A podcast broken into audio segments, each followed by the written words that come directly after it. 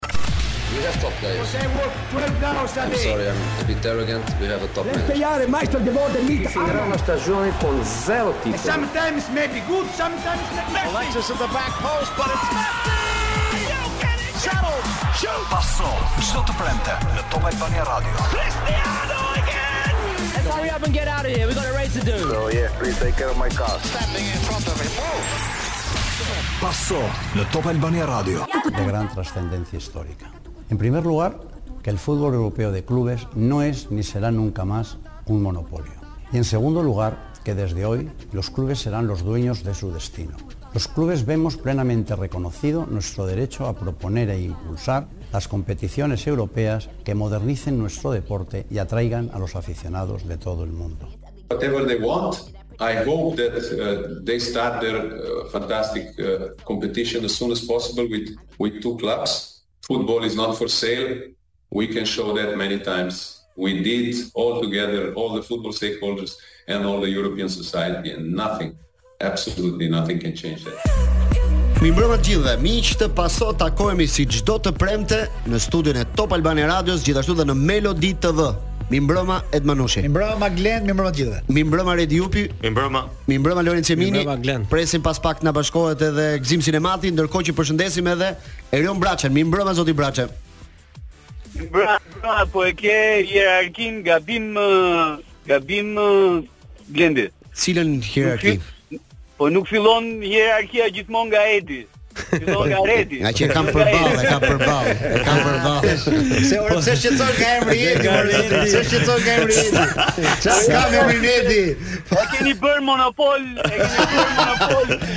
Ne pra, tani doli edhe edhe vendimi i gjykatës erdhi, nuk ka më monopol, kështu që ri çet çke. Po, ka pra, ka po, pra, opsione. Prandaj duhet të filloj nga Redi, jo nga Edi.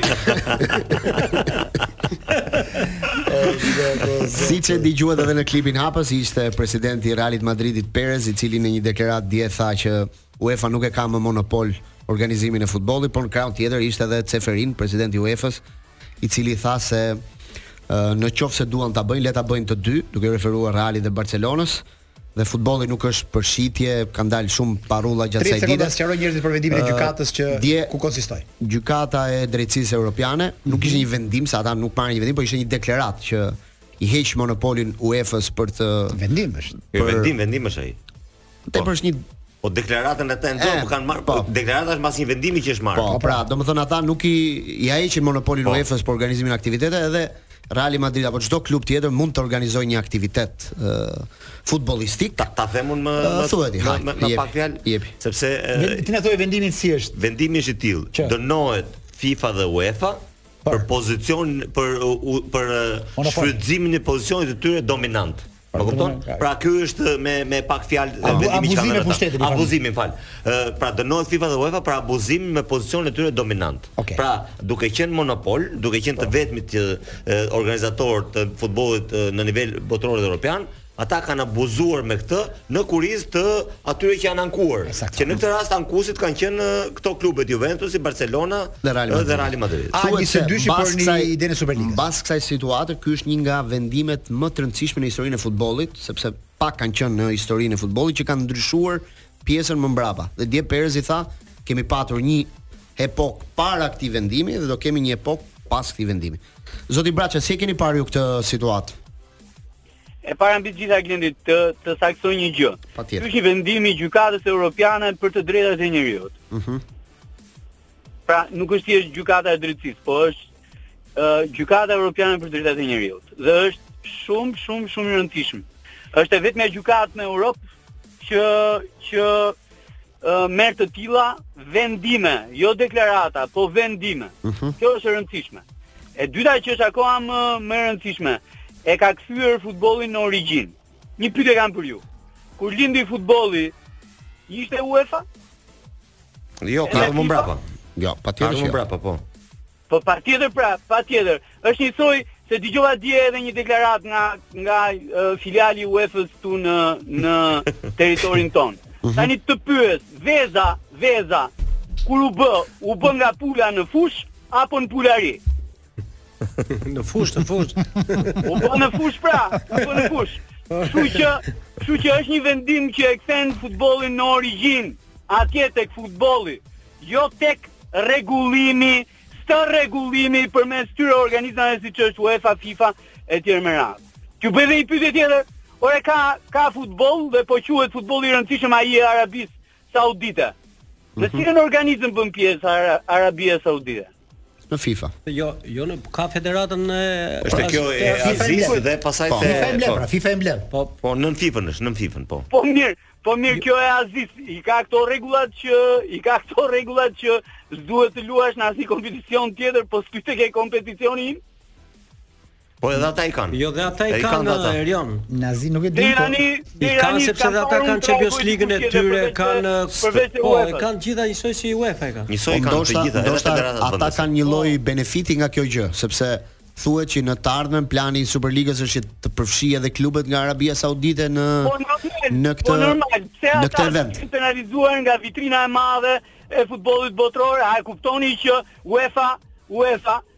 ka vendosur një monopol, ka ka krijuar një vitrinë aq të madhe sa kërkush tjetër nuk mund të luajë aty veçse atyre ekipeve që praktikisht janë brenda këtij organizmi.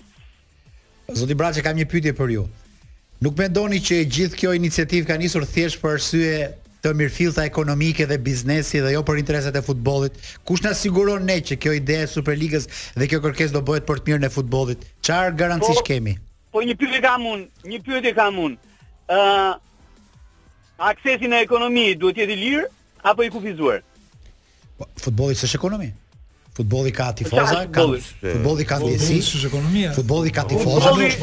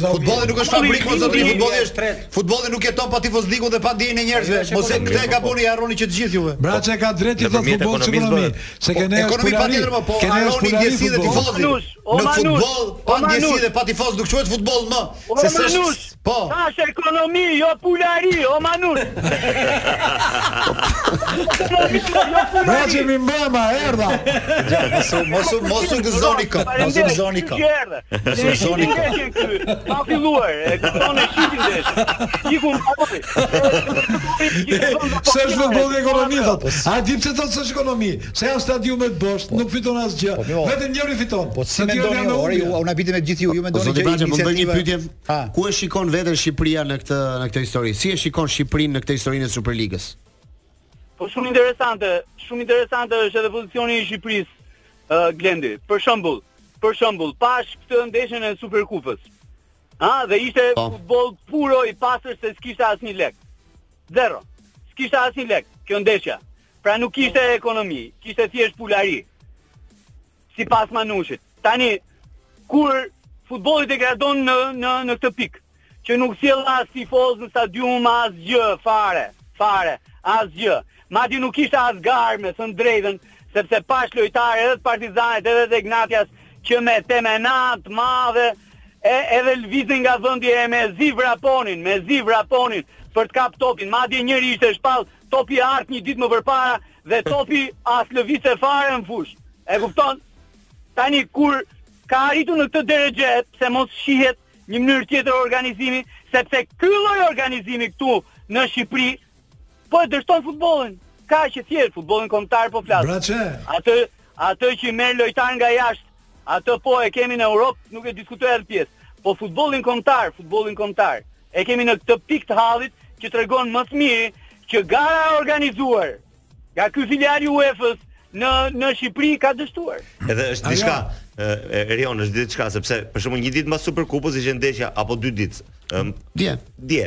Bylisi me Elbasan. Dje ndeshja Bylisi me Elbasan, një ndeshje kategorisë së parë. Ndërkohë pra, Dinamo fiton me Teutën. Nuk është pse të shkojmë të marrim shembuj shumë të lartë, pra nuk është se është situata e pashpresë këtu. Por problemi është që nuk funksionon sistemi dhe skema me të cilën këta e e, e bëjnë të gjithë të gjithë gjënë. Sepse dhe neve njerëzit i kemi për t'i sjellë siç ishin ata për shembull. Nuk është se aty shkëlqen organizimi i kategorisë së parë, por ja se çfarë u bë domethënë, shtatë mijë veta nuk janë pak apo jo. Atëherë, atëherë është shumë është shumë pozitive. Unë flas edhe si ekonomist. Është shumë pozitive që të ketë konkurrencë. Është shumë pozitive që të thyhet një monopol. Sepse jam i bindur që do të jetë një instrument presioni atje për të përmirësuar Këtë garën këtë apo për të lindur një garë që është shumë më e mirë se sa kjo që kemi. Po mirë, zoti Braçe, si mund të besojmë ne ke një iniciativë si kjo që vjen nga sipër kur kemi i FIFA, UEFA dhe tjera që në një farë mënyrë janë zgjedhur në mënyrë demokratike me votime. Me ça janë zgjedhur më? Po si, po di më fare, me votime mo zotri, me votime shumica janë zgjedhur më. Nga Çeferini, tek Infantino, edhe gjithë me radhë. Ore më fal fal, po tallesh ti o zotri. E ke seriozisht ti? Ore e ke seriozisht ti që diskutimi më i madh në UEFA sot është si t'i zgjatet, si të ndryshojë statuti dhe t'i zgjatet mandati mandati i Çeferinit. Këtë po thua ti më. Për po si ka mundësi të qëmë Braçe? Tre, tre herë ka qenë ke zyra e Ramës, Infantino, tre herë ka qënë Çeferini. Dhe del tani sot do ndryshojmë statutin që unë të kem edhe një mandat tjetër. Se jam më i miri.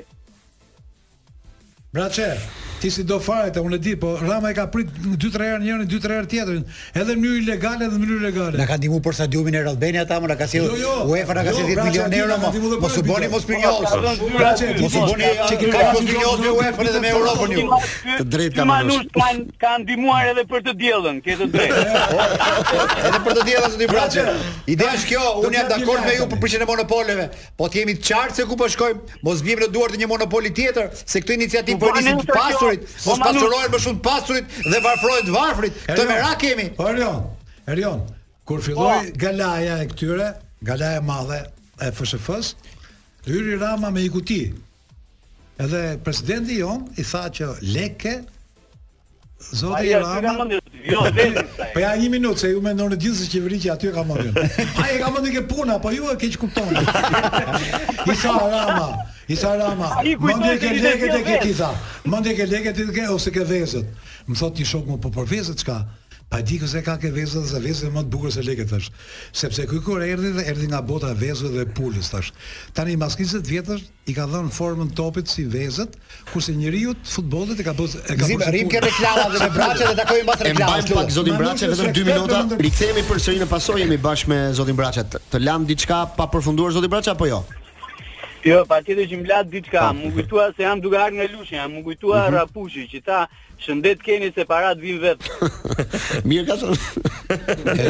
Filozofia është një lloj. Mesme, se mes. Zoti Braçe. Sa për punën, fare, sa edhe, parat vin vet. Po. Meqë të kemi sot në linjë doja të të bisedoja me ju edhe pak për këto fonde që jep qeveria për Federatën e Futbollit, se i çon pikërisht atje ku duhet. Vjet dha një pagesë për ekipin kombëtar, këtë vit e rriti pagesën, ka bërë 2 milionë euro prapë për ekipin kombëtar. Po në organizim. Ja bën pak xheloze edhe këto federata të tjera. Është organizimi europianit, nuk ka vetë më të gjithë ai. Një sekond, një sekond. S'ka lidhje fare me organizimin e europianit, ky që është më afër qeverisë nuk e di. Unë që jam më larg e di. Tashi, tashi edhe një herë, ë uh, unë mendoj që është në fuqi vendimi për për rezultatet sportive. Mhm. Uh Dhe natyrisht, atje ka definicione pikërisht edhe për kualifikimin në kampionate të rëndësishme siç janë europianët, mm -hmm. po edhe botërorët. Ashtu siç në atë vendim ka shpërblime të rëndësishme për ata që zënë vend të parë, të dytë, të po. tretë, të katërt, edhe më poshtë. Kështu mm -hmm. që ë uh, konsiderojeni pikërisht në këtë aspekt, në aspektin e shpërblimit që jepet për rezultatin për e rezultatit. Po. Nga ekipi kombëtar ë uh, e që konsiston në kualifikimin për uh, në Europian. Unë mendoj që qeveria ka bërë mirë në këtë rast. Mm -hmm. Po para qeverisë do themi që futbolli e bëri detyrën e vet kombëtare Braçe, na çoi aty ku duhet. Mos duhet ndjekim çik shembullin e futbollit? Manush, mos e ke mos e ke ë uh, pyetjen edhe edhe rekomandimin që federata e bëri detyrën e saj se futbolli është çik për ai i gjerë. Për ai sa i përket edhe ajo e bëri. Përfshirë Silvinjon, përfshirë tifozët, përfshirë gjithë. Po, përfshirë gazetarët. Manush, O Manush, i monopolizuar, i monopolizuar, futbolli është i asociuar në këtë vend thjesht dhe vetëm me federatë. Për shembull, ty s'të quan njeri futbollist Manush, paçka se merresh me futboll gjithë ditën dhe bën dhe stërvitje. Shumë e thjeshtë kjo gjë. Po më ore na tregoni alternativën, as kapitalizmi nuk e doni ne Braçe, po na thoni kush është cila është alternativa? Ne prandaj e kemi këtë, ngaqë e kemi këtë zgjidhje, e cila njeriu zgjidhet në mënyrë demokratike, na ka çuar atje ku na ka çuar, kemi edhe futbollin bërë. Patjetër që kemi, i kishte edhe Kroacia, i ka edhe Jugosllavia, i ka edhe Serbia, i ka edhe Maqedonia, i ka edhe Mali i Zi. Në rritje jemi dhe në këtë fushë. Manush dy zgjidhje ka, dy zgjidhje ka. Ose liri, ose liri dhe konkurrencë e lirë ose SPAK.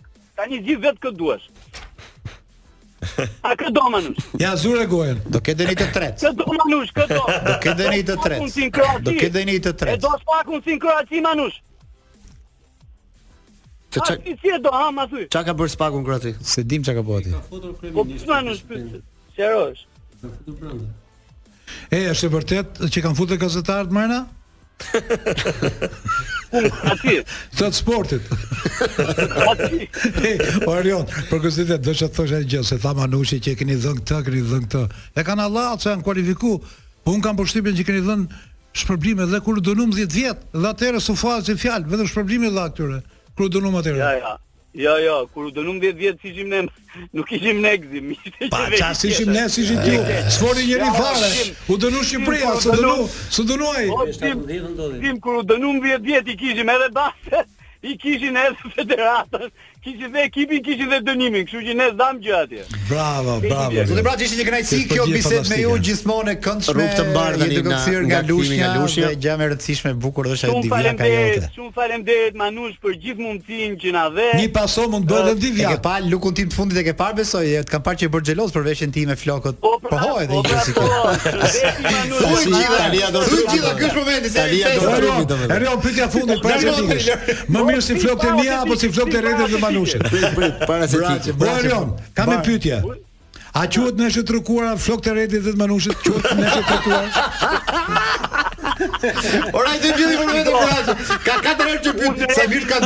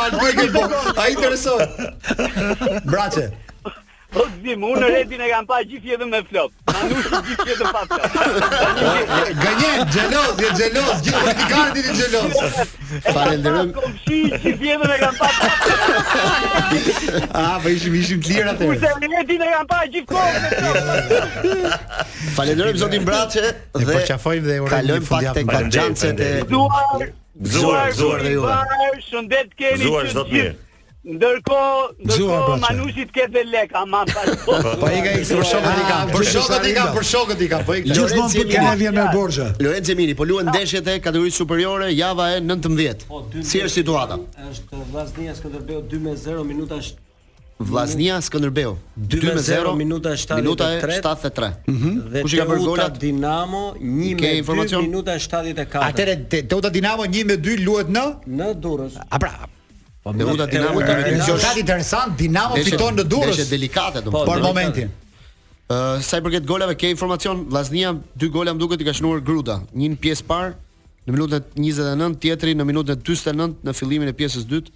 Vllaznia me Skënderbeun 2-0 dhe është një kthim duhet thënë i Vllaznisë edhe pas fitores që arriti me po, Tiranën janë. Është fitorja e 6 pikë shumë të rëndësishme për fitorja e tretë rresht kjo që është. Për për shkodranët që tani janë në vendin e tretë në renditjen e kampionatit, aktualisht me 26 pikë duke zbritur Tiranën në vendin e katërt dhe Dinamo gjithashtu është afruar vetëm një pikë larg Tiranës. Imagjino se çfarë situate ishte Dinamo pak kohë më përpara sot ndodhet në vendin e 5 po, vetëm një pikë po, larg. Po jeni nuk e nuk e dëgjoni gjithë logjikën sportive që bëjnë nëse mund ta quajmë kështu. Ai pari, ai ka gjithë kohë që thotë të, ja ku ja ku është Dinamo.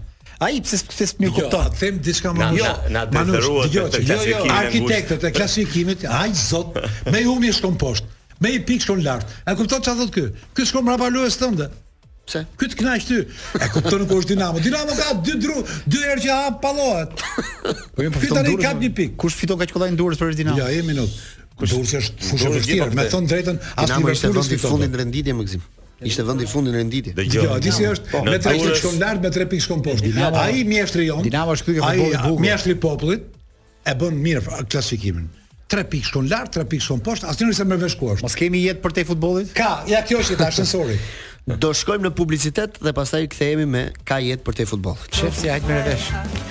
Rikthehemi në paso mbas uh, Michael Bublé dhe Jingle Bells që na fut pak në atmosferë. Ishim duke folur me Jeminin pak më para që në një kategori të parë si Elbasani-Bylis shtatë mijë tifozë, hajt merre vesh. Se jemi duke diskutuar dhe realisht pak, nuk e gjejmë dot të pak e çuditshme se çfarë mungesës së tifozëve në jo, superiore. Në një finale Superkupe ku pa dyshim federata bëri PR-in e vet. Stadiumin e duhur. Nëpër rrjetet sociale, në po, për kudo. Për të vërtetën, 3 javë përpara, jo. Egnatin futboll. Jo ditën e ndeshjes. Dy ekipet më të mira që kryesojnë kampionatin, plus Partizani luan brenda. Pra mendoj do kishte shumë më shumë tifozë. Kanë filluar pushimet shkolla ti mendon që e mërkurë e mërkurë ora ftohtësisht atë ditën ishte ftohtë më. Ora 19, domethënë ishin shumë të dhëna për ta patur stadiumin më të mbushur se sa 3500 3600 tifozë. Stadiumi bosh sheshi sheshi aty që ka qenë plot plot, ndërkohë një ditë më vonë dje e njëjta ndeshje, domethënë e njëjta situatë sepse ishin dy skuadrat më të mira të kampionatit, Elbasani me Bylisin. Stadiumi kishte 7-8000 tifozë në në Elbasan. Po pra bie poshtë ajo, domethënë ajo pra, logjika pra, që përdori Edi pra që ora, moti, kanë ikur njerëzit. Ne kuptojmë, ne kuptojmë nga kjo situatë, ne kuptojmë pse ka kaq pak. Jo, jo, Glend, është një lloj ngushëllimi ky që ne herë pas here kur duam ta përdorim themi ora, moti, s'ka njerëz. Po tani shiko ti, po luan Vllaznia Skënderbeu, janë 200 veta. 4 me 0 do shko për Vllaznin. 4 me 0 për Vllaznin. Ndërkohë që nuk po futem te kjo Teuta Dinamo që nuk ka fare. Nuk ka fare. Duket sikur është dënuar fusha çuditshme. Po, sikur është dënuar. Tani dhe pastaj kthehemi që kategoria e parë Elbasani Bylis ka 7000, që është plot stadiumi. Po pse ka atje? Kush ma shpjegon tani? Çfarë logjike jep juve? Jo, unë unë kam... ne duhet të nxjerrim një konkluzion, pra që tifozët e duan futbollin, sepse në një moment mendojmë që ore janë ndoshta s'e duan më futbollin. Atëherë bie se shumë thonë që kanë ikur jashtë, nuk janë më në kërë. Pra, pra, këtë diskutojmë. Pra ky 7000 tifoz ne kemi, i kemi stadium. Si i sjellim tani. Unë kam dy shpjegime të të shkurtra për këtë. E para, domethënë me atë që thotë Edi nuk ka njerëz, nuk jam dakord sepse Në qoftë se Tirana Ja që ka njerëz. Në qoftë se në Tiranë jetojnë 1 milion banorë momentalisht, nuk ka nevojë të vinë 10% në stadium 100 mijë, po 1%. 1% e njerëzve duhet të vinë në stadium, 10 mijë minimumi.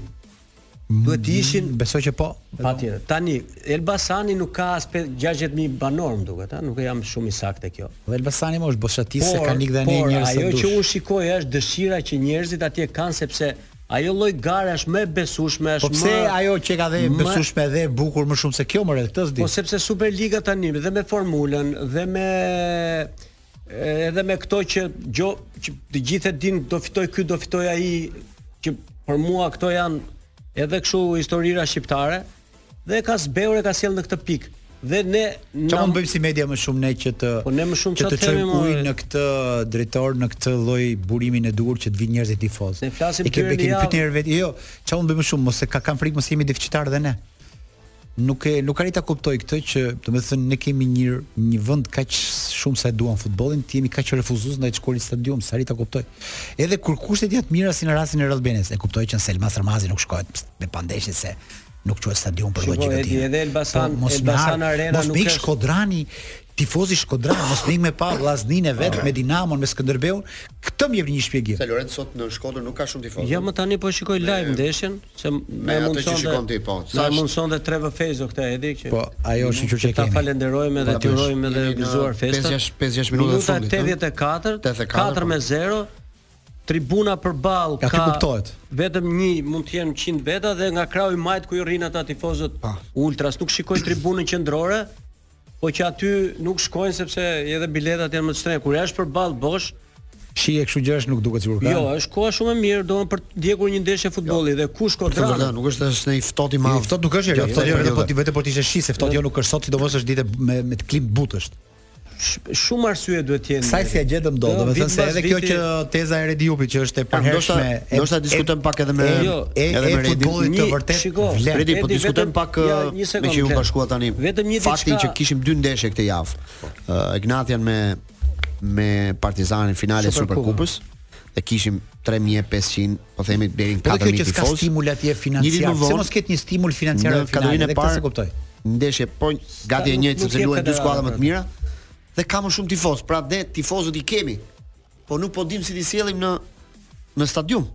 Po ti tifozi e di shumë kollaj që se ka një ndeshje të vërtet, çfarë po pra, ndodhi ndeshje? Kjo është teza e Redit. Çfarë do të ndeshje? Është e vërtet.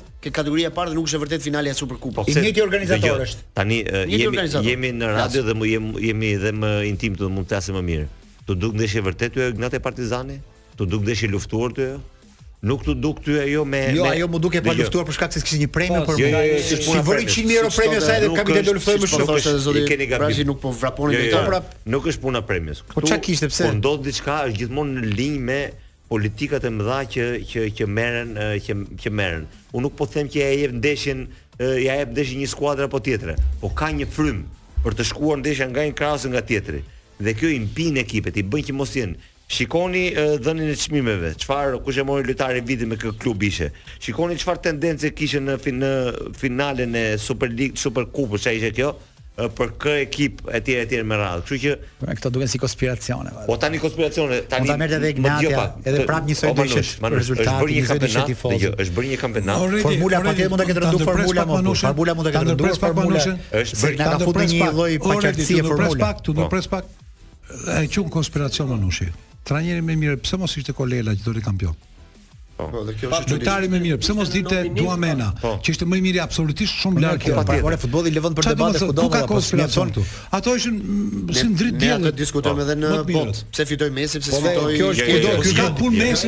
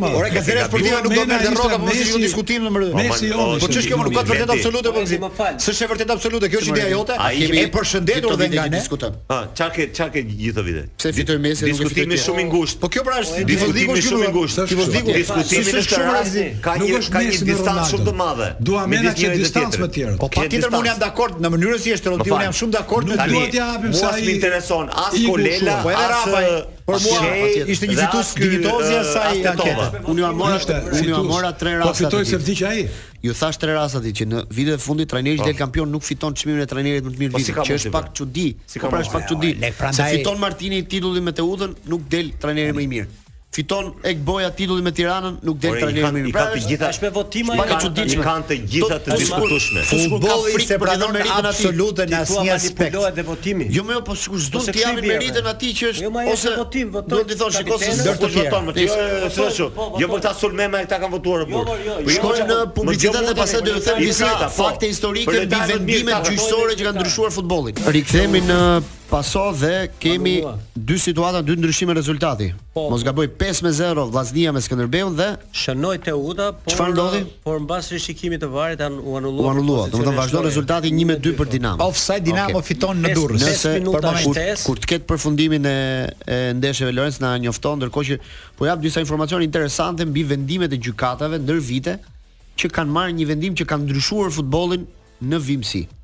Një nga ngjarjet më të përfolura ka qenë ajo e vitit 1995, që është quajtur çështja Bosman. Gjykata Europiane vendosi që një lojtar në fund të kontratës mund të largohet i lirë drejt një klubi tjetër.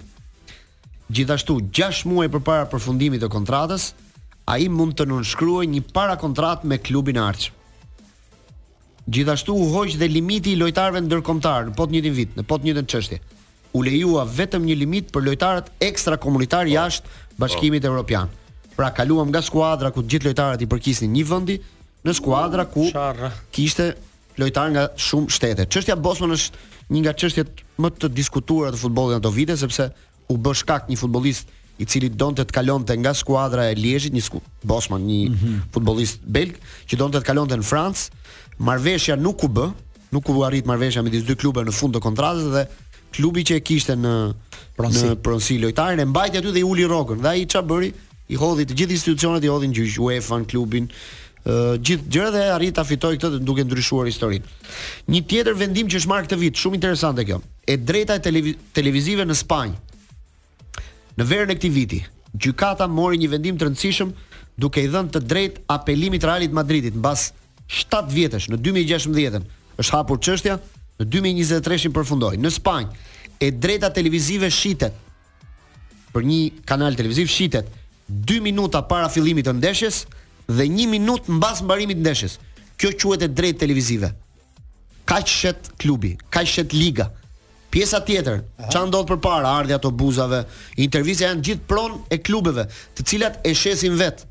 Këtë betejë e fitoi Real Madridit dhe flitet që kjo mund të futet tani në gjithë kampionatet e tjera. Ky model. Pra klubi shet në Po e kuptova. Në... Do të thotë që në tërës pra liga shet vetëm 2 minuta para dhe 1 minutë mbrapa. Çfarë ndodh përtej këtyre minutave janë në pronësi të klubeve, të cilat e negociojnë vetë me palë të treta. Në histori se mund të bëjmë një ndryshim të vogël se në histori e gazetës sportive spanjollët kanë qenë gjithmonë avangardë. Ne unë mbaj mend kur shifshim që në vitet 80 Real Madridit pa mbaruar pjesa e parë shkonte ai me me mikrofon luftë që ne në Europë na habit në po. Itali thoshin ç'është kjo lloj gazetarie luftë e fortë për jo, për drejtat televizive në në pushim pjesë dhe Reali tani ka filluar të negociojë këto këto minutat përpara fillimit të ndeshjes kjo tjetër çështje ka qenë uli çështja e uliganëve nuk është një vendim gjykate por pas vitit 85 ngjarjes që ndodhi në Londër në Heysel midis po. Juventusit dhe Liverpoolit Margaret Thatcher vendosi që t'i kërkojë UEFA-s që klubet angleze të përjashtohen 5 vjet dhe ata u përjashtuan nga UEFA për 5 vite. Ky nuk ishte një vendim gjyqësor, por një vendim që ndryshoi futbollin anglez, sepse në ato 5 vite anglezët rregulluan legjislacionin dhe kemi futbollin që është sot. U hoqën hekrat, e mbani mend po. hekurat? Na erdhi futbolli anglez pa hekura. Vendim shumë i rëndësishëm. Ne habiteshim si nuk futeshin në fushë ata. Historik, vendim historik 1963. Një uh, avokat italian fiton për të krijuar sindikatën e futbollistëve në 63-shin, pastaj ka patur zhvillime të tjera më mbrapa, por në gjashtëdhjetë e treshin u krijua Sindikata e Futbollistëve, vendim i cili ndryshoi futbollin sepse sot lojtarët janë të mbrojtur si çdo punëtor tjetër me kontratat kolektive, të drejtat e imazhit që u futën më vonë dhe Dhe jo rastisht shumë gjëra të sindikata tjera. vjen në Itali, sindikata. Përveç përveç Ka një Shqipërisë. ka një personazh shumë interesant në këto beteja ligjore, që është një avokat belg që quhet Louis Dupont. Ai ka lindur në Liezh dhe është njeriu që merret me shumicën e çështjeve gjyqësore në në Europë. Ai ka qenë dhe në çështjen në grupin e çështjes Bosman, ka fituar një gjyq me FIFA-n dhe ka vendosur që FIFA të paguaj ë federata të paguajnë klubet kur i marrin lojtarët në kombëtare. Është një rregull që është vënë nga një fitore e këtij e zotërisë Dupont. Ndërkohë në 2008-ën ka fituar një çështje çështja Sharlërua që quhej, ku klubi kërkonte para federatës kur ata i merrnin lojtarët e i çonin në kombëtare. Ndërkohë që mbaruan të dyja ndeshjet, Glen. Fiton Dinamo 2-1. Rezultatet përfundimtare. 2-1 fiton Dinamo dhe 5-0 fiton Vllaznia. 5-0 Vllaznia Skënderbeu rezultat i fortë. Japim pak renditjen si është në këtë në këtë Në këtë moment Egnatia vendi i parë tridhjetë e shtatë pikë, Partizani vendi i dytë tridhjetë e dy, Vllaznia vendi i tretë njëzet e gjashtë pikë, Tirana vendi i katërt njëzet e tre pikë, pastaj është Dinamo njëzet e dy, Skënderbeu njëzet e dy me radhë Laçi njëzet, Kukësi tetëmbëdhjetë, Erzeni tetëmbëdhjetë dhe Teuta që mbetet në kuotën e gjashtë. A ka një vendim historik në drejtësinë shqiptare sportive Gzim gjatë gjithë viteve? Kush marr një vendim interesant? Mos vallë kur u nda Federata e Futbollit nga shumësportëshi, kohën e Medi Bushatit, mos ka një vendim të tillë bukur. Jo. Kujtohet? Ka diçka. Ka lidhje. Po, po ka diçka se ka qenë gjithë komiteti i sportit bashkë. Në një moment të caktuar u nda federata veç, mori një hov futbolli. Ka një diçka. Meqë jemi ke vendime, drejtori na i solli sot vendimet historike. Ka diçka në atë kohë një gjë që u nda futbolli nga nga sportet e tjera mori, domethënë në aspekt institucional dhe zyrtar mori një zyra të reja, drejtues të ri, likes, e ka diçka. Sidoqoftë. Do të ka. Po atë. Shkojmë në publicitet dhe rikthehemi mbas edicionit informativ. Përshëndetje, këto janë lajmet e orës 19. Në kuadër të operacionit të koduar Return ekstradohet në Shqipëri shtetasi Albert Shkëmbi i dënuar me 12 vjet burg. Kështu finalizohet një tjetër operacion i suksesshëm ndërmjet Policisë së Shtetit dhe Zyrës Rajonale të Sigurisë pranë Ambasadës së SHBA-ve në Tiranë. Shkëmbi është dënuar për trafik narkotikësh. Deputetja e Partisë Demokratike Jorida Tabaku ka zhvilluar një takim me ambasadorin e Bashkimit Evropian në Tiranë. Në një postim në X Tabaku ka zbardhur se çfarë u diskutua, ku tha se ka theksuar nevojën urgjente për dialog dhe reforma, po ashtu Tabaku ka parashtruar edhe kërkesat e opozitës. Me një dekret të ri, presidenti amerikan Joe Biden do të vendosë sanksione ndaj institucioneve financiare që mbështesin luftën kundër Ukrainës, duke anashkaluar sanksionet perëndimore. Presidenti amerikan do të nënshkruajë sot një urdhër ekzekutiv që do të lejojë Uashingtonin të vendosë sanksione ndaj institucioneve financiare që ndihmojnë Rusinë të anashkalojë sanksionet perëndimore për pushtimin e Ukrainës. Parlamenti i Ukrainës ka miratuar legalizimin e kanabisit mjekësor në përgjigje të një numri në rritje të njerëzve që vuajnë nga çrregullimi i stresit post-traumatik gjatë luftës. Ligji i ri, miratuar me dyqind e dyzet e tetë vota në parlamentin me katërqind e një vende, Hyn në fuqi pas gjashtë muajsh, kanabisi do të jetë i ligjshëm për përdorim për mjete shkencore dhe industriale me kontrolle të rrepta. Rikthehemi në paso në këtë pjesë të dytë dhe sapo përfunduan pra ndeshjet e dy ndeshjet e para të kampionatit midis Teutës dhe Dinamos 1-2 ndërsa Vllaznia Skënderbeu me rezultatin 5-0 nesër do të jetë Laçi me Kukësin në orën 13:30 Në datën njëzet e katër të dielën Egnatia Tirana trembëdhjetë e tridhjetë dhe Partizani Erzeni në orën shtatëmbëdhjetë. Këto për sa i përket ndeshjeve të kampionatit që plotësojnë javën e fundit për këtë vit. Ed Manushi ka një njoftim të rëndësishëm. Në këtë fundvit nuk ka vend për mungesa. Me limitin e shpenzimeve nga Iute, ju keni mundësi të plotësoni çdo dëshirë duke përfituar kredi 2 mujore me 0% interes. Hyr tani në aplikacionin MyIute, aktivizo limitin e shpenzimit dhe mos i moho vetes asgjë. Me Iute sporti bëhet më i bukur. YouGov është një agjenci që merret me studimin e studime të rëndësishme dhe ka nxjerrë një renditje për klubet më të ndjekura në botë. Reali i Madridit klubi numër 1 në botë për ndjekje tifozësh në Amerikë, Kinë dhe Arabi Saudite. Kjo është zona që është marrë në pyetje.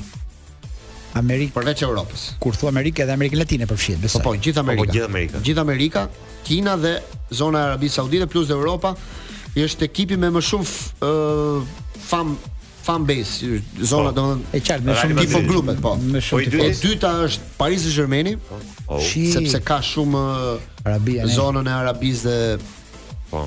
E ka të fortë dhe e treta është Bayerni i Munich. E katërta pastaj vijnë me radhë Barcelona. Po, po Manchesteri, këto. Në 10-ën e parë ka dy ekipe dhe Italia, është Interi në vendin e 6 dhe Milani në vendin e 10. Po pastaj po është kjo anglezët ku janë në këtë 10? Anglez është Manchester United vendi 5, Liverpooli vendi 7. I pari pra është Manchester United. Po, po. Çfarë gjeografie ka Manchester United lutem?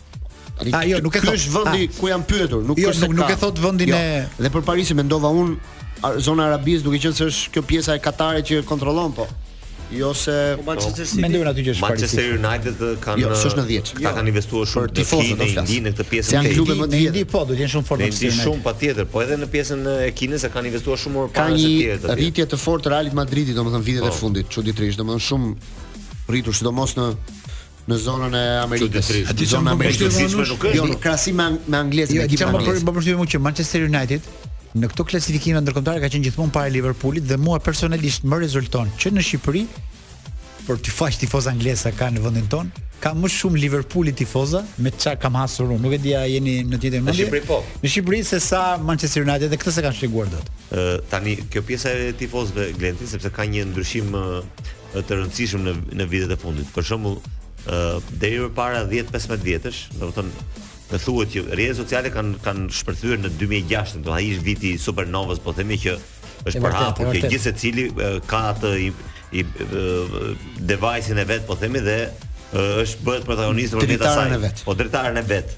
ku mund të shkruajë, mund të interaktivizohet etj etj. Dhe deri në atë vit, skuadrat angleze kishin një një shpërndarje shumë më të madhe se të tjerët, të tifozllëkut nëpër botë, sepse kishin Indinë dhe Kinën, se kishin investuar shumë dhe përpara po. të tjerëve atje.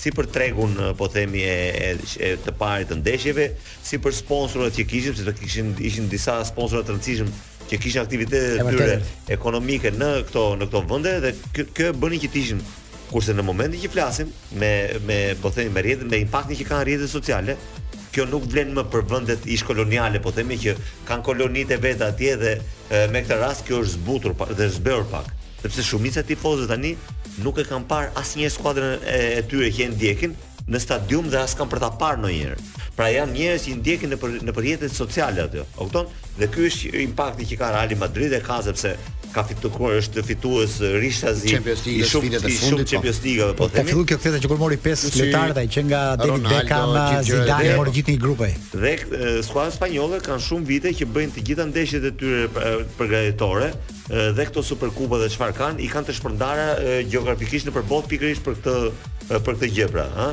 Do vijë një moment i futbollit. Sot dhe nesër do jenë ditë të mbushura me me ndeshje futbolli sepse në këto momente po luhet në Itali. Është java e Serisë A do luhet të premten dhe të shtunën, po luhet Empoli Lazio është 0 me 1. Rezultati për momentin minuta 41 Lazio ka shënuar me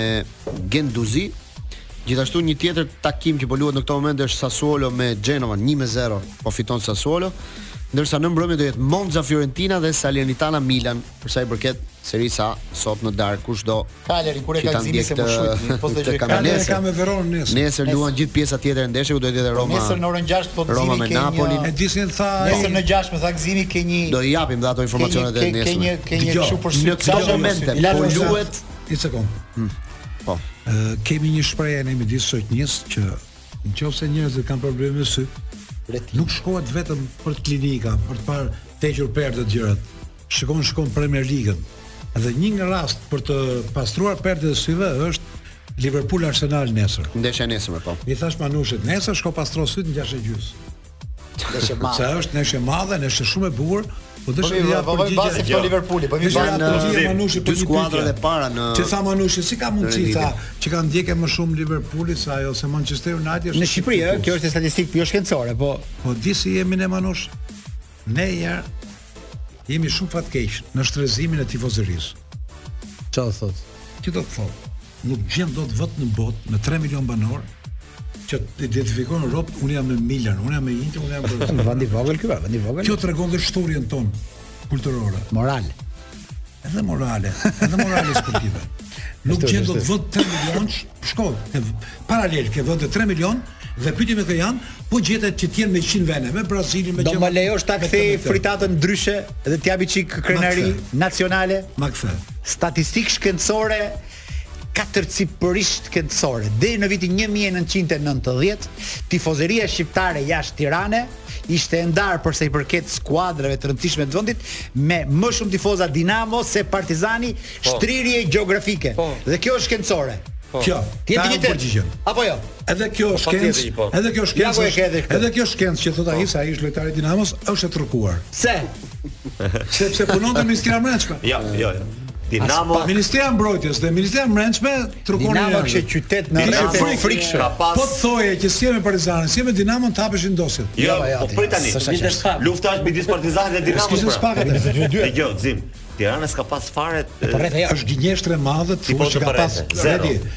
Ti ke qenë lojtar i Dinamos, un jam. Po ky ka provu mos e flet kot, ti ka provu në Bosnjë. Unë di shumë mirë. Po. Dinamo ka pas tifoz dhe shpreha më e bukur është e ish lojtarit Shkodrës.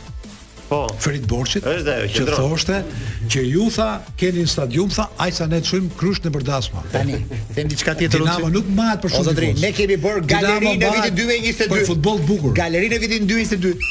Njerëz surprizë, di cilët kanë qenë në galeri. Kush? Halit Gega, Dhe Shyq Ballxhini. Bravo. Por sa i përket audiencës, ja, drejtori më. korrigjon drejtor. Është vërtet. Atëherë çfarë do thotë kjo? Do thotë që Dinamo ndiqet. Jo, ka shumë tifozë Dinamo. Ka shumë flisni për. Meqë doje ka një statistikë nacionale. Nëpër rrethe ka më shumë shumë. Nëpër rrethe pra po them, nëpër rrethe po them, nëpër rrethe. Rikthehemi ne pas Nuk e din, doni të vazhdojmë me 3 minuta histori? Kemi një histori interesante sot. Jani Kaçin sot, portieri i famshëm i Skënderbeut. Po ku ja gjetë sot Shqipëria Skënderbeu 5-0? Shqipëria ka patur një traditë të mirë portierësh me klubet, por edhe me kombëtaren, duke filluar që nga italiani Pozeli që ishte portieri i Ballkaniadës së vitit 46. Për të vijuar më pas me Voglin, me Bonatin, Maliqatin, Jankun, Dinellën, Muhedinin, Luarasin, Mustën, Strakoshën e tjerë me radhë. Sot do flasim për Jani Kaçin, historia e një portieri nga Saranda që u bë i famshëm në Korçë. Prindit e tij u njohën në Durrës, në plazh, dhe më pas u spostuan të jetonin në Korçë, ku lindën pesë fëmijë, të gjithë çuna. Jani Kaçi është bërë portier rastësisht sepse ai kishte qejf boksin. Në një ndeshje me moshat, Futboll që zhvillohet në Durrës mes Skënderbeut dhe Besës, atë e shikon për herë të parë Loro Boriçi, i cili e mban shënim dhe në moshën pesëmbëdhjetë vjeç. Në vitin gjashtëdhjetë e shtatë ai vjen tek Partizani i madh i Panajot Panos. Për shkak të biografisë, sepse babai i tij, i thonin gjithmonë kishte punuar në Greqi vite më përpara, i thonin ë uh, Jani Greku, atij nuk i del shkolla e lartë në degën që preferonte dhe kthehet përsëri në Korçë, ku vazhdon për agronomi, por nuk i pëlqen. vendos të vijë në Tiranë si ushtar.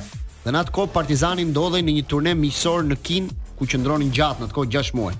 Në Tiranë e dërgojnë në repartin e Xhenios në Rinas dhe më pas në repartin ushtarak në Kodrat e Rushbullit.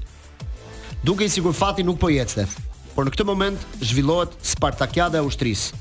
Dhe aty vijnë përballë dy skuadra, reparti Shqiponja ku Jani Kaçi ishte portier, luajnë kundër Shkollës së Bashkuar.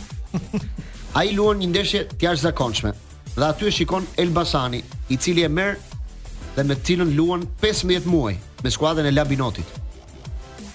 Pikërisht tek, te kjo skuadër vjen dhe momenti kyç. Ndeshja Labinoti Partizani. Rezultati 3-0. Në shkallët e stadiumit është Petrit Dume, që pas ndeshjes pyet zotërinjtë që ndodheshin aty dhe ata i thonë që ky është portieri jonë i Partizanit. Kaq mjaftoi dhe në vitin 73 ai vjen për herë të parë në grumbullim me Partizanin kryesor në Durrës.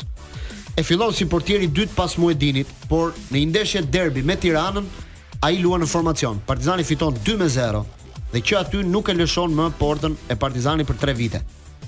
Edhe pse rregullorja nuk e lejonte, Jani Kaçi është një nga portierët e vetëm që ka luajtur me uniforma me ngjyra. jo me uniformën e zezë dhe gjithmonë ka mbajtur numrin 20, i cili e bën, të cilin e bënte vetë, e e e qepte vetë. E pikturonte vetë. Sepse ia kishte lënë porosi një aktor i famshëm, Lazi Serbo, i cili ishte mik i tij. Ushtria e Jani Kaçit, ndryshe nga gjithë tjerët, zgjati 5 vjet që ai të qëndronte sa më gjatë te Partizani. Por me Partizanin luajti vetëm 3 vjet sepse 2 vite ishin te Labinoti. Por ai nuk mund të vazhdonte më të qëndronte aty dhe duhet të kthehej në Korçë. Në atë kohë Partizan tek Partizani ishte goditur grupi i gjeneralëve dhe ata nuk e kishin forcën që ta mbanin Jani Kaçin mbas mbas ushtrisë në Tiranë. Në Tiranë sepse edhe Skënderbeu e kërkonte. Pa dëshirën e tij të madhe ai kthehet në Korçë në kategorinë e dytë në atë kohë. Por në sezonin e parë arrin të shkojë në finalen e Kupës së Republikës me Tiranën. Por ndeshjen e fitoi Tirana në dy ndeshjet që zhvilluan me rezultatin e përgjithshëm 4 me 0. ku të gjithë golat e ndeshjes i shënoi Mond Gëzdari në të dy takimet. Dhe me shaka Jani në atë kohë ka thënë se Gëzdari u bë i famshëm se golat m'i shënoi mua. E la futbollin në moshën 32 vjeçare pasi e akuzuan se grisi fotografinë e Enver Hoxhës.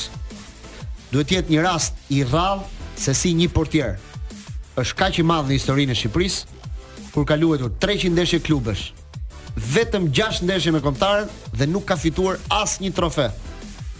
Më vonë karriera e tij vazhdoi në klubin Skënderbeu si trajner derisa u tërhoq nga futbolli, por mbahet mend dhe për deklaratat e tij, sepse gjithmonë lëshon ndonjë deklaratë interesante. Ne kemi zgjedh dy prej tyre. Njëra ka qenë në kohën kur u dënua Skënderbeu nga UEFA. Jani Kaçi tha, Jemi fajtorë, sepse nuk kemi thënë të vërtetën. Në të kundërt, Skënderbeu nuk do kishte arritur këtu. Dhe një fjali tjetër ka thënë që mjaft me trajnerë ekranesh që ja fusin njëri tjetrit. Dy prej batutave nga Manush, po dhe lojtar i madh, lojtar i madh. Si është e mundur që një portier kaq i madh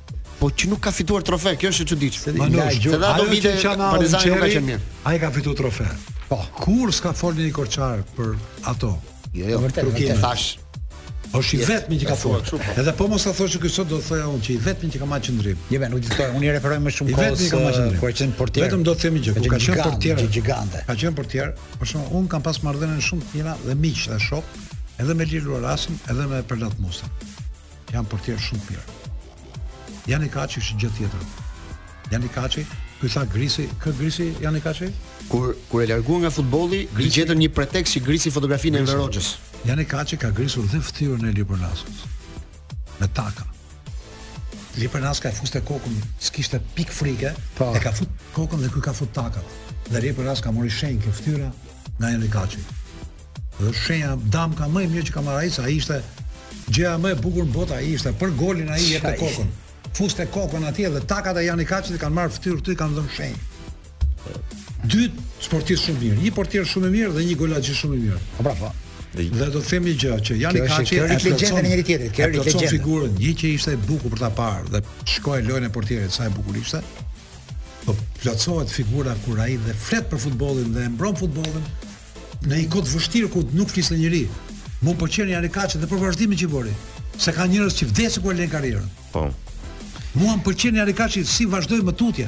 Jani Kaçi fliste i vetmi korçar që fliste. Personazh kemi gabuar. Shumë interesant. Pak kemi gabuar, kemi gabuar. Pak indiferent sot se ne i kemi bërë gjithmonë thirrje aty, kemi dashur po. ta kemi edhe në galeri ke e di. Nuk nuk del shumë, nuk del. Po është refuzues. Dgjoj, personazhi është personazh shumë i madh dhe i rëndësishëm, por desha ta lidh me atë që tha Glendi që Se më kujtoi Gzimi dhe emra të tjerë, Perlat Musën se e takova përpara uh, pak ditësh te te kjo galaja, e kupton? Me figura shumë të mëdha, por ti shumë dhe unë me Janin, domethënë kam uh, kam bashkëpunuar sepse më ka lidhur puna. Unë kurse me Perlatin kam pasur fatin dhe të luaj në fund, ëh. Dhe po dalte ajo që sa të, sa të famshëm janë këta personazhe pa fituar trofe. Po pra. Atëherë trofe t'i jepte t'i jepte t'i jepte mileti. Nuk kishte nevojë për trofe për të për t'u njohur. Po po. Vasil Ruci s'ka fituar asnjë kampionat, asnjë gjë s'ka fituar. Fred Ferko, gjithë brezi ka fituar një kampionat. Ka fituar kupën. Jo, këta nuk kanë qenë fitues atë. Ka fituar një kampionat kur këta nuk kanë qenë në lojë atë. Ah,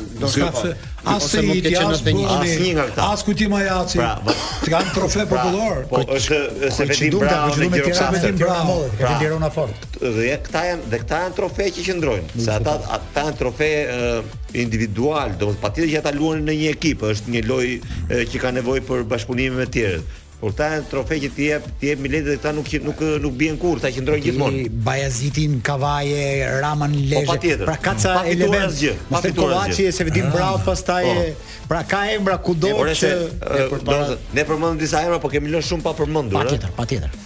Në çdo qytet kishte nga një talent. Kishte një nga këta që ishte emblemë e qytetit e se e përmendin Tomori se gjynah që folën për dhunën, ke Tomori, po Tomori ka luajtur dikur Po Tomori kishte gjithë ato talente. Berati kishte futbollist shumë mirë. Tomori kishte Kliti Milën që ishte ka pas Besëlidhja në Lezhë, ka pas Besëlidhja në Lezhë. Besëlidhja kishte Ramën që thonin Furdja, po, po, që ishte po. shumë i mirë. Kujti Majaci në Fier. Gjirokastër kishte disa emra. Jo Sejti, jo Braho, jo Kalluci.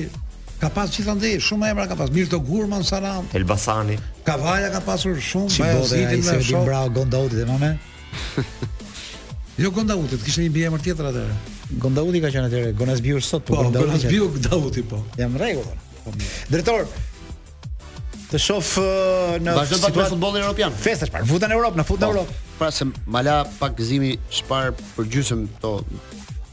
Programin e ndeshjes përveç Liverpool Arsenal nesër, luhet West Ham Manchester United, Frosinone Juventus, Inter Lecce, Roma Napoli, ndërsa të dielën do ketë një përballje midis Wolverhampton dhe Chelsea. Këto pak a shumë janë situatat në kampionat. Me kë kampionat doni që ta prekim pak ndoshta? Merremi pak me anglezin, meqë është pak më më interesant. Na po me turkun shumë. Një ngjarje që vazhdoi prapë mbas asaj të arbitrit Vazhdojnë çudirat në Turqi. Goditjes me grusht të javës, në dy ndeshje, në njërën një president zbriti në fushë, i tha skuadrës dil jashtë. Në një tjetër, në një tjetër pati rrëmuja, sherre, domethënë është një situatë që është tension. Është është një skuadër ime ajo. Duhet të jetë po, Diyarbakirspori. Po që ah, kanë zbritur në të tretën, po. po. Dhe me Bursasporin është është është është derbi shumë i fortë, po. Si është kjo? Çfarë po ndodh në Turqi, sipas mendimit tuaj? Kjo historia normalisht kur goditën një me grusht, pati gjithë atë jehonë, duhet të qetësohet çik situata. Që ta lidhim pak edhe me edhe me dhunën në Shqipëri këtë. Ë uh, sepse duket sikur po i biem në qafë, e thamë dhe te Procesi, po i biem qafë klubeve apo lojtarëve apo trajnerëve apo edhe se kam pasur një reagim edhe të fortë në këtë pjesë që mos mbro, domethënë, se duket sikur po mbrojmë arbitrat, unë nuk kam pse mbroj arbitrat. Unë them që nuk mund të zgjidhet ajo punë aty në fushë duke goditur arbitrat. Po nuk thashë asnjëherë që s'janë fajtorë arbitrat. S'e kam thënë asnjëherë këtë. Që të ta ndajmë këtë. Mirë, po e, po. Duke lidhur pra, edhe. Kujdes mos e kthe komplet në të kundërt jo, deklaratën. Jo. Nuk goditet një arbitër në asnjë mënyrë. Jo, jo. Është në punë. Këtë thashë. Edhe kur e bën gabim njerëzor, edhe kur mendohet që po bën një pisllik dhe një një maskaradë. Pra, pra, është dikush tjetër. As kjo nuk k është kjo mënyra sepse na kthen vite mbrapa, po jo, jo, kupton? Jo, Edi edhe një herë që ta sjell. Tani shif ti diçka. Di si është puna ke puna e dhunës, ke, ke puna e dhunës do të jemi çik kujdes sepse është është është e ndjeshme shumë. Është e koklavitur gjëja. Dje njëri në Çeki vrau në universitet 15 vetë. Dhe po dëgjoja dje shumë tryeza ndërkombëtare televizive që flisin për dhunën. Edhe me të drejtë thoshte njëri, unë po dëgjoja në Spanjë në fakt se po më interesonte. Kur kam qenë i vogël tha, Jam rritur me filma vizatimorë, ishte pak a shumë mosha jonë. Edhe m'u kujtu mu Çufo me Bubi Kaçurrel me fëmininë tonë, që fëminia jonë nuk kishte asnjë lloj dhune nga asnjë as nga librat, pra nuk kishte televizor, as nga filma, as nga filma, as nga asgjë. Po të shofësh se si i rrit kalamajtë sot, të vjen dhuna që ke celulari, ke televizori, lajmet janë plot që në 8 mëngjesit deri tetë darkës vrau, përdhunoi, gjëra si kjo. Pra, jemi në një shoqëri se dikur na thoshte dikush që futbolli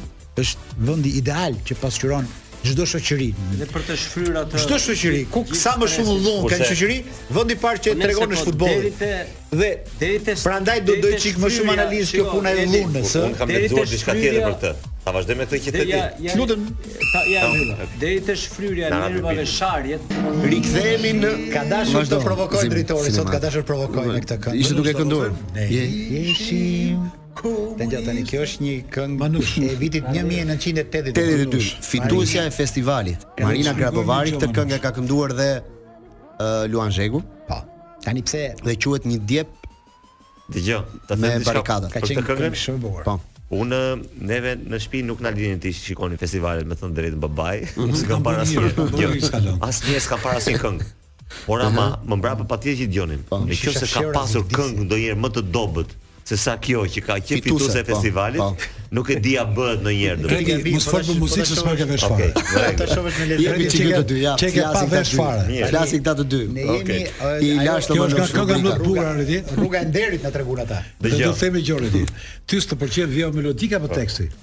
Jo, mua e di çfarë më pëlqen? Ah. Që ti je i lindur në Rusi dhe ky do të donte të kishte lindur në Rusi. Dëgjo, Redi, Redi, e di çfarë po çan Redi? Se këtu ka ne, ne jemi këtu ka ne luhet, luhet po jo me komunistët dhe me demokratët. A themi që më mirë komunist i ndershëm apo demokrat i pandershëm?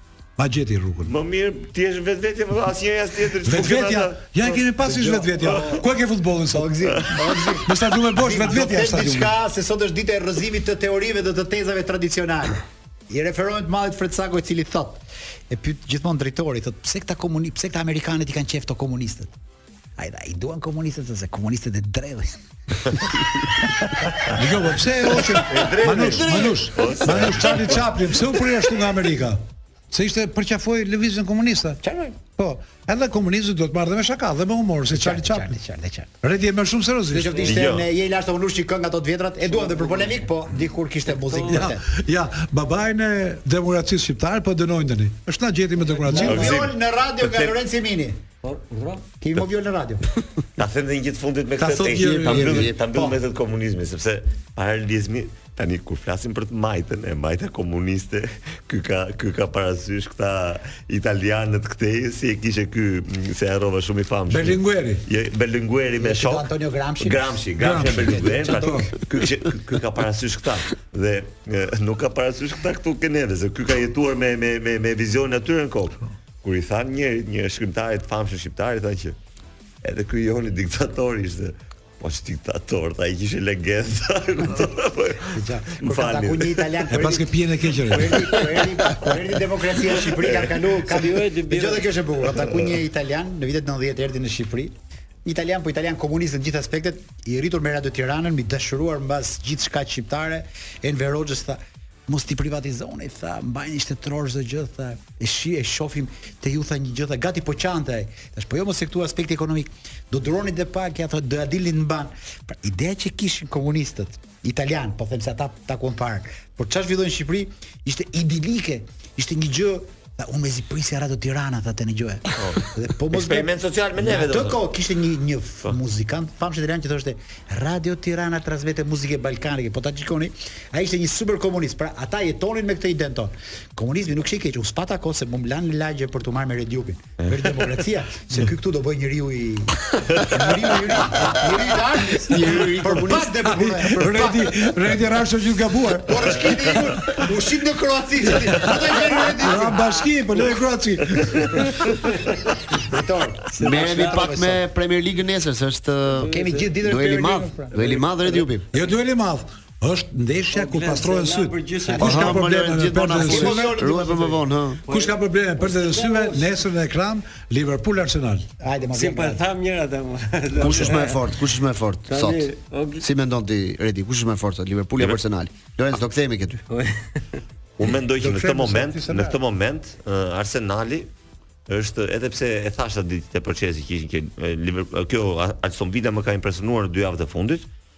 Por është prapë është një meteor, një komet, do të thotë mm -hmm. është një skuadër e mirë, por në këto në ato dy javë. Skuadra më e plotë dhe më e fortë sot, do që mua më bind në çdo aspekt të lojës, si me ata që kanë fushën, stolin me çfarë përfaqëson është është Arsenali. Domethënë, dëgjova një koment në fakt që një nga këta anglezët, një nga këta opinionistët e, e mirë anglez, që rreshtonte që Kampionatin e merr ose Liverpooli ose Manchesteri dhe Arsenalin e nxirrte të katërtin fare, pra nuk e nuk e quante. Më tani duket... von. Po tani ta, dje, pardje. Lajm i orës së fundit drejtor, lajm i orës së fundit. Hmm. A22, kompania që do merret me Superligën po krijon bërthamën e gazetarëve ndërkombëtarë dhe ndeshjet do komentohen në çdo gjuhë të botës dhe është kontaktuar deri tani janë kontaktuar dy kolegë shqiptarë. Tani është momenti jot Lorenzo. E hodha, mos qeshni. Tash ti e kam çipo çim në një ata do të Jaka. Po i dyti. Lorenz, thuaje shpejt se do shkojmë publicitet. Jo, se na na ndërpret me publicitetin. I bësi faka, i bësi faka. Ishte kjo ideja e dhunës që po që në Turqi po ripërsëritet edhe pse u ndërpre kampionati. Kjo e Istanbul Sporit është një precedent që mua më më lesh, domethënë të ndërpritet ndeshja dhe ai të çojë ekipin në Më duket si skena po zbriti, madje një lojtar se aty Shqipëri nuk ndodhi. Aty janë edhe kanë ndodhur edhe në Shqipëri para ca vitesh, po tani jo po. më. Ai është edhe një ekip që ka disa shqiptarë, disa futbollistë shqiptarë. Po, skuadër, Istanbul Spor. Që është po, dhe është Rroca, është... Mhm. Ethemi. Ethemi, janë dhe dy të tjerë. Dhe Ajo që bie në sy këtu është lojtarët i luteshin se e pashë skenën edhe mbrëmë i luteshin dënohen presidentit që të lutem të vazhdojmë lojën dhe ai po mori mund të ketë dënim një penalti deri individuale personale kush ishte Moviola në radio shpejt Moviola po shikoj golin e anulluar të Teutës, po? golin e barazimit 2-2 që e kanë anulluar për pozicion jashtë loje më duket vendim i gabuar sepse është ajo vija prapë e dikurshme. apo po ka jo, ndryshuar? Jo, lojtari në fakt është rast që do interpretim sepse lojtari interferon te te mm -hmm. portieri, po e para distanca është e largët nga porta dhe ai që interferon mbahet nga mbrojtësi i Dinamos në lojë. Nuk e kuptoj se VAR-i te pozicioni jashtë loje shumë strikt. Nuk ka, aty s'gabon dot. S'është penallti apo është vija që ta jep elektronikisht.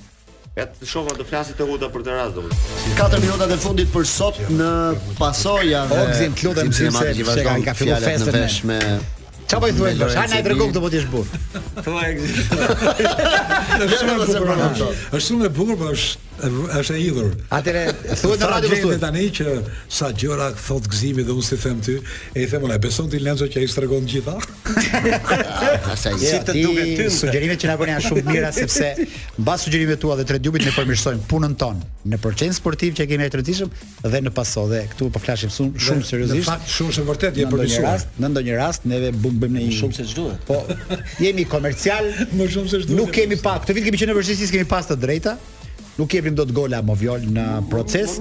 Jemi të detyruar për të bërë ndonjë hapi horizontesh të reja në informacionet që sjell me drejtorin dhe redaktorin si, Gledin Albani, kështu që jemi si, përshtatur dhe ne Superligës. Si Reali Madridit duhet të largojë monopolin. monopolin. E di si m'u duk? Jo. Isha Vlorë një. Kjo fusha që na bëri tani edhe. Kamera vetë. Ju si ke teti. Po. Edhe një ish lojtar nga këta Flamurtarit fashën, po që merret me futbollin e moshave. Po. U takoj aty, çfarë bëmi? Ku i vjen njëri?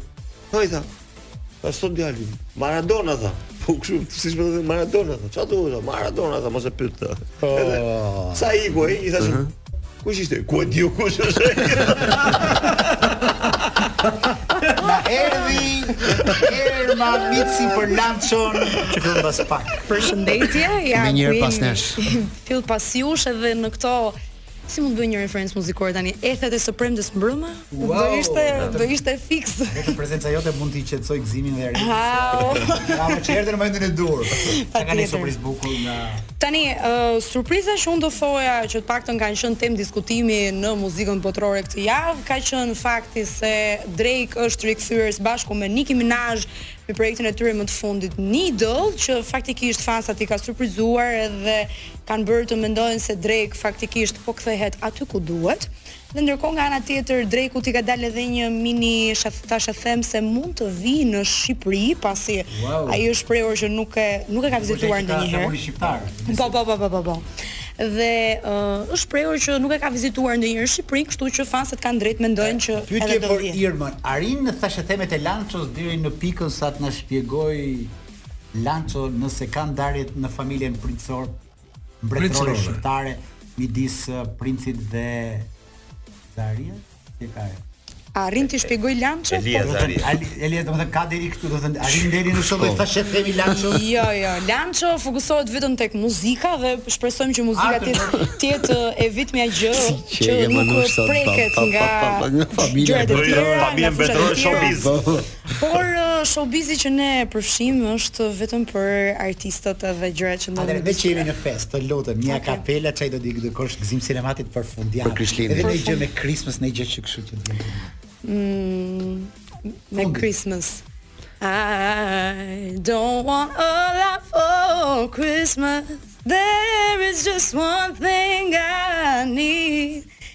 E të tjerë e të tjerë se si. E e fetës dhe kurtë bravo. Më mirë se kaq shumë e lart. Nuk mund t'i uronim gjithë dhe gëzuar Krishtlindjet, meqë s'do takohemi javës tjetër në datën 29, kështu që fjalën ia lëmë Irmës pas pak. Do të jeni këtu për ditëlindjen time. Po po po, dhe do ta urojmë live, nëse do jesh dhe ti me ne bashkë. Po s'besoj që do jesh, po. Mm, do ta shikoj.